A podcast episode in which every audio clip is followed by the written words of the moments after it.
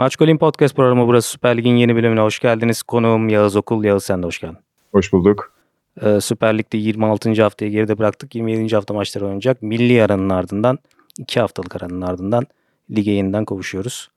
Ee, milli takıma da girmiş olalım bu arada hani bu vesileyle. Nasıl buldun milli takımı? Milli takımı biraz yani çok de, desteklemek istiyorum. Biraz daha da heveslenmek istiyorum milli takım izlerken ama çok heveslenemiyorum. Bunun artık bir düzleme oturması gerektiğini düşünüyorum açıkçası. Biraz eleştirisel başladım direkt ama. Sen evet sert Ee, girdin biraz. Biraz evet. ama Ben, bence fena artık- değildi milli takım iki maçta da. Ya Hırvatistan yani maçında ben belli başlı tribünden de izledim Hırvatistan maçını. Yani bir noktadan sonra artık oyuncu kalitesi ön plana çıktı. Bireysel kalite ile rakip sonucu aldı. Yani bizim geri dörtlüdeki biraz panik halimiz de tabii etkili oldu ama yani biz genel oyun planı olarak e, iyiydik Hırvatistan karşısında. Çok maçın ardından yine sert eleştirildi işte Van Kuntz ve ekibi ama ben onları biraz e, haksızca buluyorum öyle diyeyim.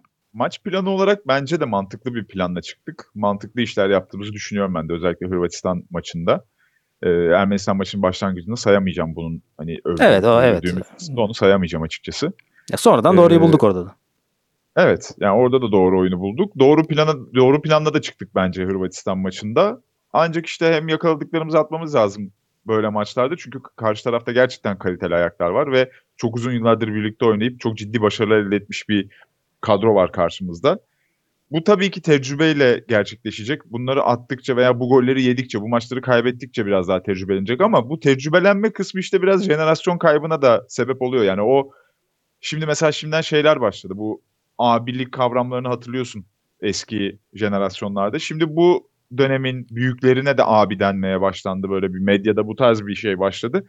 Böyle çok kafa karıştırıyor ve açıkçası hoşuma da gitmiyor bu tarz söylemler. Çok doğru da bulmuyorum açıkçası. Çok da katılmıyorum fikirlere. O yüzden biraz oyuncuların bazından, oyuncuların e, açısından yaklaşarak onları da koruma amacıyla bir an önce artık bir şeylerin oturması gerekiyor.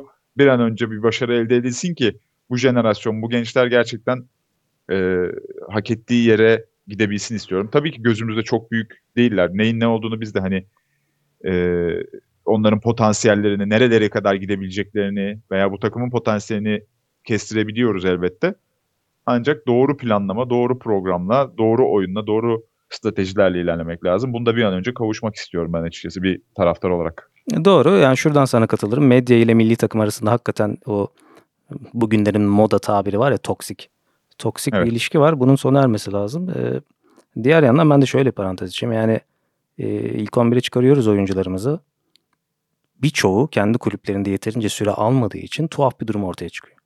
Yani bunu özellikle Hırvatistan maçında savunmada görmüşsüzdür diye düşünüyorum. Evet, Yani evet, bu- katılıyorum. İşte ben zaman zaman bahsettiğim genel sorunla da alakalı bir durum bu. Yani tribünler Arda Güler'i ısınmaya giderken inanılmaz bir sevinç hissediyorlar. Çünkü değil mi müthiş bir yetenek. Yani gördüğünde of yani Hırvatlar demiştir ki herhalde bu çocuk Türkiye Ligi'ni değil mi? Kasıp kavuruyor. Nasıl Ama kavuruyoruz? O çocuk Türkiye Ligi'nde de süre bulamıyor. Yani böyle ciddi temel problemler varken ben bu oyuncu grubuna bireysel anlamda özellikle yüklenmenin adil olmadığını düşünüyorum. Bundan bahsedeyim. İki, bizim milli takımın sorunlarını çözmemiz için milli takımın ötesinde düşünmemiz gerekiyor biraz. Oradan da yeniden Süper Lig'e dönmüş olayım. Yani Süper Lig Evet. özelinde özellikle bir numaralı ligimiz özelinde biz neden yeterince Türk oyuncuya yeterli şansı tanıyamıyoruz? Her zaman bunun üstüne düşünmemiz gerekiyor. Bunu da tekrarlamaktan hiçbir zaman sıkılmayacağım. Belirtmiş olayım. Ee, gelelim şimdi bu haftanın maçlarına. Yani Galatasaray'la başlayayım liderle. 14 maçlık bir seri zaten yani bir yerde bitecekti değil mi? Ama Konya deplasmanında öne geçmişken bitmesi e, kısmen sürpriz oldu diyebiliriz. Yani Konya İlhan Palut döneminden sonra çok iyi bir hani parlak bir dönemden geçmiyordu. Üst üste kayıplar vardı. Evet. Ee, ya o maçtaki Galatasaray'ı neye bağlıyorsun? Hani bu artık bir noktada bir rehavet midir? Seriyi devam ettirmenin bir stresi mi vardır? Neden böyle bir mağlubiyet gerçekleşti? E tabii Konya bir yandan da zor bir deplasman ama dediğim gibi form durumlarına baktığımızda e, kontrast bir durum vardı. Bu rekor süresince Galatasaray'ın başlangıcında o rekorun başladığı dönemdeki oyunda da sonuna yaklaştığımız dönemde de Galatasaray'ın gerçekten olağanüstü bir oyunu zaten yoktu bence. Yani oyunda belli başlı problemler vardı her zaman. Ancak Galatasaray'ın bu baskınlığı hem kalitelerin sahaya yansıması hem de aynı zamanda oyun planlarını tutması bir noktada peak yaptı. Bir zirvesini gördü. ufak ufak tabii ki bu düşüşler olacak. Burada önemli olan bu mağlubiyeti almamaktı Galatasaray açısından. En azından bir beraberlikle gidilebilirdi. Hatta e, bu maçta da değişiklikler çok eleştirilmişti. Ancak yani Galatasaray'ın e, Konyaspor deplasmanında beraberliği korumak veya hani yenilmesek daha iyi gibi bir düşüncesi olmamalı zaten bence. Herhangi bir büyük takımın böyle bir şey düşünmemesi gerekiyor diye düşünüyorum ben. E, dolayısıyla o eleştirilerin bir kısmına katılmıyorum. Galatasaray'ın oyunda dediğim gibi bir yerde bazen düşüyor. Başlangıçta da düştü. Ara ara maçlar içerisinde de, ara maçlarda da görüyoruz bunu. Bu da düşüş maçlarından bir tanesiydi. Önemli olan işte Galatasaray takımının kadro olarak, teknik heyet olarak bu maçın arkasına nasıl bir reaksiyon vereceği bence. Evet, bence de üzerine fazla düşünülmesi gereken e, o İngilizce tabirle var ya overthinking dediğimiz şeyin yapılmaması Evet. gereken bir maç. E, haftanın haftanın maçı Fenerbahçe ile Beşiktaş arasında oynanacak derbi müsabaka Kadıköy'de. E, Beşiktaş İstanbulspor'u 3-1 ile mağlup etti milli arandan önce. Fenerbahçe yani yine klasik anlamda ligin e, zor olabilecek deplasmanlarından birinde Alanyaspor'u 3-1 yendi yine aynı skorla. Ne diyorsun derbi öncesi şöyle baktığında şimdi Alanya milli ara girdiği zaman böyle durumlarda o iki haftalık ara sanki iki ay geçmiş gibi oluyor. Dolayısıyla iki takımın son durumuna dair ne kadar yorum yaparsan yap sanki birden bambaşka şeylerle karşılaşacakmışız gibi değil mi? Katılıyorum, kesinlikle katılıyorum buna. Ya ben bile hani taraftar olarak oyuncular veya hani e, futbolcular, teknik heyetler nasıl düşünüyor bilmiyorum da ben taraftar olarak biraz böyle bir kopuş yaşıyorum böyle dönemlerde. Direkt derbiyle başlaması da bir e, soğuk su etkisi yaratıyor açıkçası bende. Yani şimdi e, iki takıma gelelim. Beşiktaş'ta ben başlamak istiyorum. E, sezonun bu bölümünde sanırım bu sezon ilk defa sağlıklı bir Beşiktaş'tan söz ediyoruz. Yani Gezzal'ın da takıma katılmasıyla Evet. birlikte. Yani nihayet evet hadi bakalım neler yapabileceğinizi görelim durumu oluştu bence Beşiktaş taraftarında. E, e, tabii ki bu sert bir sınav. E, yani son uzun zamandır Beşiktaş'ın Kadıköy'deki tek galibiyeti o seyircisiz maçta Sergen Yalçın döneminde gelmişti. Yani Şenol Güneş'le şampiyonlukların ve şampiyonluk yarışlarının verildiği yıllarda da Beşiktaş burada iyi sonuçlar veremedi. İyi sonuçlar alamadı daha doğrusu. İyi bir sınav veremedi.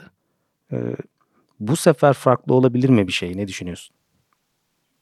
Bu maçta açıkçası ben biraz hani teknik heyetlerden, teknik direktörlerin planlarından çok bireysel performansların çok ciddi bir fark yaratacağını düşünüyorum. Yani örneğin Abu Bakar'ın bu yükselen performansına karşılık Fenerbahçe'nin nasıl bir önlem alabileceğini kestiremiyorum ben. O X Dolayısıyla- faktör dediğimiz şey Abu Bakar değil mi bu maçta? Efendim? O X faktör ismini verdiğimiz durum yani Abu Evet. Bakar. Ya Kesinlikle farklı olan bu ben yani değil mi? Yani Abu. Bakar'ın gerçekten bir e, ciddi fark yaratacağını ve bu maçta da ciddi bir terazi değiştiren oyuncu olduğunu düşünüyorum. Zaten Beşiktaş'ın ciddi bir formu var. Yani son 11 maçta bir mağlubiyet sadece ligde. E, Yani çok bu eleştiriliyor takım ama evet sahaya Şenol Güneş döneminde sonuç alıyorlar yani. Evet. yansıtıyorlar. Evet, devam et. E, bu sahaya da yansıtıyorlar gerçi ciddi anlamda. Ben bu maçta hani Beşiktaş'ın bu yüzden ya Fenerbahçe tarafının nasıl bir önlem al- alması gerektiğini kestiremiyorum. Nasıl bir önlem alırsa iyi işleyeceğini çok kestiremiyorum ama Fenerbahçe tarafı hem iç sahada olması orada da işte sakatlıklar biraz önemliydi ama Valencia şimdi sakatlıktan çıkmış antrenmanlarda ne de olsa. Ya orada da farklı bir ümit var tabii. E tabi orada şimdi Evet. Abu Bakar demişken bir de Valencia gerçeği var. Evet yani öbür tarafta da Valencia var gerçekten. Ya, yüzden yaban, ben ya Alex'in Alex'in rekorunu da kırarak yabancı. Alex'in rekorunu da kırarak hani Fenerbahçe'de bir sezonda en çok gol atan yabancı olmuş. Artık her maçta öyle ya da böyle atıyor. Evet. Şimdi e, Vincent Abubakar bir tarafta ne kadar tehlikeliyse Ener Valencia diğer tarafta öyle tehlike. Yani Fenerbahçe'nin de bu arada form durumu iyi. Yani son e, 7 maçta 6 galibiyetleri var onların da ve yenilmediler. E, Evet. kendi sahasında Fenerbahçe biliyorsun der maçlarda her ne kadar bu sezon Galatasaray karşısında büyük bir hayal kırıklığı yaşamış olsa da Fenerbahçe kendi sahasında derbilerde özel ya 2000'li yıllar böyle geçmiştir değil mi? Biz e, o döneminde özel çocukluğumuz o dönemde geçti. İşte yetişkinliğimiz şimdi geçiyor. E, Kadıköy'de derbi oynamak çok zor bir şey konuk takımlar için. Bu sene şöyle bir şey var yani bu sene genelde Jorge Jesus derbi maçlardaki performansı bir antrenör olarak Jorge Jesus'un bu maçlardaki performansı eleştirildi. Takımı gereğinden fazla tedbirli ve hatta biraz daha sert bir tabirle ülkek oynamakla eleştirildi. Sen katılıyor musun buna? Katılıyorum. Hatta seninle Galatasaray e, derbisi öncesi de yaptığımız podcast'te de üçlü savunmayı ta- tahmin etmiştik. O dönem daha hani gerçekten evet her önemli maçta üçlü oynuyor e, damgası yememişti. Yemek üzereydi. Hani bir iki tane böyle dikkat çekici performansı vardı. Yani performanstan kastım olumlu anlamda değil tabii. E, o günden bugüne seviye maçları da dahil, maçı da dahil. E, bu üçlü oynama e, bilmiyorum takımı ne kadar değiştiriyor, ne kadar etkiliyor. E, bir türlü ayak uyduramadılar açıkçası büyük maçlarda. Bu maçta kırmak isteyeceklerdir. Senin de dediğin gibi zaten önemli bir form durumu var Fenerbahçe'nin de. Az önce Beşiktaş'ı söyleme sebebim zaten hani Beşiktaş'ın biraz daha dengesiz bir sezon geçirmesi. Hani bu sezon başında tam oturtamaması, hoca değiştirmeleri vesaireydi. Fenerbahçe tekrar o eski formuna kavuştu.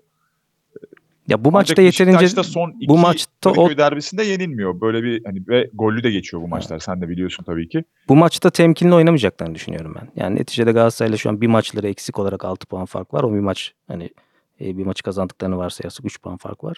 E, şimdi hal böyleyken sezonun da bu aşamasına gelmişken artık Nisan ayına gelmişken o klasik sezonun ilk yarısında gördüğümüz tırnak içinde büyük maçlardaki temkinli Fenerbahçe'yi ben burada görmeyeceğimizi düşünüyorum. Kendi sahası Biraz-. Biraz taraftar e, isteğine göre de oynayacak gibi. Yani hem sana katılıyorum bu açıdan. Yani taraftarın da isteği artık öyle oynamaması, takımı o şekilde görmek istemediklerinden de kaynaklanıyor sanırım. Biraz daha hücumu düşüneceklerdir diye düşünüyorum ben de. O yüzden hem zaten söyledik hem bireysel performanslar hem de bu tarz psikolojik etkenler sebebiyle ben ciddi e, gollü bir maç bekliyorum açıkçası. Evet, Fenerbahçe Beşiktaş maçları genelde eğlenceli geçer zaten. Bence ligdeki e, son 20 yıldaki falan en iyi fikstürdür bu. E, o yüzden benim de maça dair böyle bir eğlence, gol, e, bol aksiyon beklentim var bakalım. E, hemen bu vesileyle bu haftanın yeni haftanın tahminlerini seninle hızlıca yapmış olalım. E, podcast'ımızı kapatalım daha sonra yeni bölümünü. Haftayı cumartesi günü açacağız. 1 Nisan cumartesi günü Başakşehir Ankara gücü maçıyla ne diyorsun maça? Ankara gücü hep yine konuştuk seninle yine aynı cümleyi kuracağız. Beğendiğimiz takımlardan E, biriydi. Ankara gücü bu podcast'in gizli yıldızı. Gizli Evet, de değil açıktan işte yıldızı. yani. son dönemdeki o form düşüşleri e, Evet. ki Sivas Spor maçında 2-0 mağlup oldular. E, o yüzden ben bu maçta biraz Başakşehir'i önde görüyorum açıkçası. Başakşehir'in kazanacağını düşünüyorum ben. Övmemiz yaramadı diyeyim Ankara gücünü. Ben de Başakşehir'den Evet. yanayım bu maçta. Trabzonspor, Kayserispor. E, Trabzonspor'da tabii artık yeni bir dönem e, yaşanıyor diyelim Abdullah Avcı sonrasında. Yani son maçında onlar e, Gaziantep'i 3-0'la geçtiler. E, ne diyorsun? Bunun üzerine koyabilir mi Trabzonspor? Ben koyacağını düşünüyorum. Hem yönetim değişikliği hem teknik direktör değişikliği etkileyecektir takımı. Orhan Akın teknik direktör yani e, takım yönetme ve hani taktiksel becerileri çok övülüyor. Yani içeriden futbolcular e, bugüne kadar çalışmış futbolcular Arda Turan dahil çok fazla futbolcu Orhan Akın bu yeteneklerini, becerilerini çok övüyor açıkçası. E, dolayısıyla ben Orhan Ak için de e, bir avantaj ya da bir fırsat olduğunu düşünüyorum ve bunu da iyi değerlendireceğini düşünüyorum bu sezonun geri kalanını. Bu maçta da bir Trabzonspor galibiyeti bekliyorum ben açıkçası. E, evet. Bende de bir Trabzonspor galibiyeti beklentisi ağır basıyor. Galatasaray Adana Demirspor. e, yani Fenerbahçe Beşiktaş derbisinden sonra herhalde en ilgi çekici maç bu. Gerçekten ilgi çekici bir maç. Ve hani Galatasaray'ın son maçta kaybetmesiyle e, ne olacağını da çok kestiremediğim bir maç açıkçası. Yani e, Adana Demirspor iyi bir takım. E, ama işte bu tip e, zorlu İstanbul deplasmanlarında yeterince pragmatik e, ve biraz daha sakin, akıllıca oynuyorlar mı emin değilim. E, bu nedenle ben Galatasaray'dan bir son mağlubiyetin istiyorum. Maçta bir reaksiyon galibiyeti bekliyorum. Katılıyorum. Bir de yani son büyük maçları Trabzonspor'un ilk hoca değişiminden sonraki maçıydı. Yani 4-1'lik mağlubiyet vardı. Evet 10 kişi Ee, falan Antalya ama Spor'u mağlup ettiler ama Antalya Spor e, galibiyeti çok kıstas değil bence bu maç için. Evet Antalya'ya hep Ee, söylüyoruz zaten istediği sonuçları. Yani oyunla sonuçlar arasında bir çelişki var diye hep. Evet hep konuşuyoruz seninle bu konuyu. O da yani Antalya Spor'da sürekli üzerine değindiğimiz takımlardan bir tanesi. Evet. Ben de Galatasaray galibiyeti tarafındayım. Ee, şu ana kadar evet bayağı şeyiz. Paralel gidiyoruz bakalım. Evet. Ümraniye Spor Konya Spor'la oynayacak. E, Pazar gününe geçtik artık. Ümraniye Spor'un şöyle son 4 maçta aldığı 2 galibiyet, 2 beraberlik derken bir çıkışa geçişinden e, söz edebiliriz. Ben Konya Spor'dan tam ikna olmuş değilim. O nedenle bu maçta Ümraniye Spor'dan yanayım diyelim. Yani tahminim bu ondan benim- yana. Ben eee Konya Spor'un özlediği, yani özlemediler tabii ki ama o uzun süreli beraberlik serisi vardı. Eee, oraya doğru göz kırpacağını düşünüyorum. Eee, Ben beraberlik bekliyorum bu Hı, maçtan ilk, ilk açıkçası. beraberlik tahminin geldi. Bak. İlk kaçak tahminin geldi. Evet geldi. Giresunspor Alanya Spor maçı eh, yani aslında haftanın kestiremediğim maçı bu benim. Yani Giresunspor hakikaten çok kötü Evet. gidiyor. Yani 9 maçtır artık galibiyeti hasretler. E, Alanyaspor bir yandan her zaman konuşuluyor ya çok fazla kolay goller yiyor. Biraz daha akıllı oynaması lazım falan filan derken onlar da yine bu sürede sadece bir, bir kere kazanabilirler. E, benim de kaçak beraberlik tahmini maçım bu. Açıkçası yani ne desem ben de bilemiyorum. Ben de ben de beraberlikten yanayım sanırım. Çünkü bir tarafın kazanır kazanabileceğine inancım biraz düşük. Bu sebeple ben de beraberlik tarafındayım. Ya burada bir Alanyaspor tabii ki hem Ersun Yanal etkisi belki biraz daha etki gösterir. Bu milli ara işine yaramıştır diye düşünüyorum aslında. Böyle bir terazinin bir yarım ağırlığı Alanyaspor'a do- doğru basıyor bende. Ama çok da emin olamıyorum. Fenerbahçe Beşiktaş derbisine gelelim. Hadi sen başla bu sefer tahmini. Ben yani az önce uzun uzun konuştuk. Ben gerçekten gollü bir maç bekliyorum. Taraf seçebilir miyim bilmiyorum ama Beşiktaş galibiyeti tarafındayım diyeceğim. Çünkü gerçekten bu Abu Bakar performansının bir karşılığı olduğunu düşünmüyorum Fenerbahçe tarafında. Hmm. Ee, onu durdurabilecek formda bir savunma hattı, savunma aklı olduğunu şu anda sahada düşünmüyorum. Yansıdığını düşünmüyorum daha doğrusu. Beşiktaş'ın da son dönemdeki formu, oturan takım yapısı, rollerin artık çok belli olması ve tabii ki Gezel'in artık takıma dönmüş olması sebebiyle ben Beşiktaş'ı bir adım önde buluyorum. Kaçak davranmayacağım. Ben Beşiktaş galibiyeti diyorum. Ee, ben de Fenerbahçe galibiyeti bekliyorum. Yani Şenol Hoca'nın takımlarının Kadıköy'de gösterdiği, daha önce göstermiş olduğu performansların e, o Beşiktaş'ın belki de o sezon en kötü oynadığı maçlar olması e, beni biraz geleneksel olarak bu tahmine itiyor. E, Fenerbahçe'nin bence kaybedecek daha fazla şey var. Hazır bir önceki maçta Galatasaray e, puan kaybetmişken bu maçta kesinlikle Fenerbahçe'nin 3 puan, 3 puan ihtiyacı var. E, o nedenle ev sahibinden yana kullanıyorum tahminimi.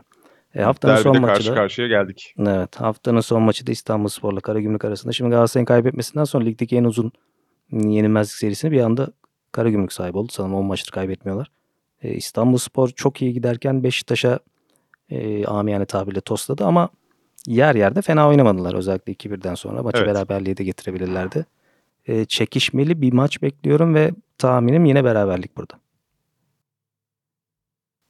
Ee, şu an yani düşünmeye başladım. Şu anda düşünüyorum açıkçası. Yani Cagney'i düşünüyorum. Ee, çok iddialı açıklamaları da oldu onun bu hafta.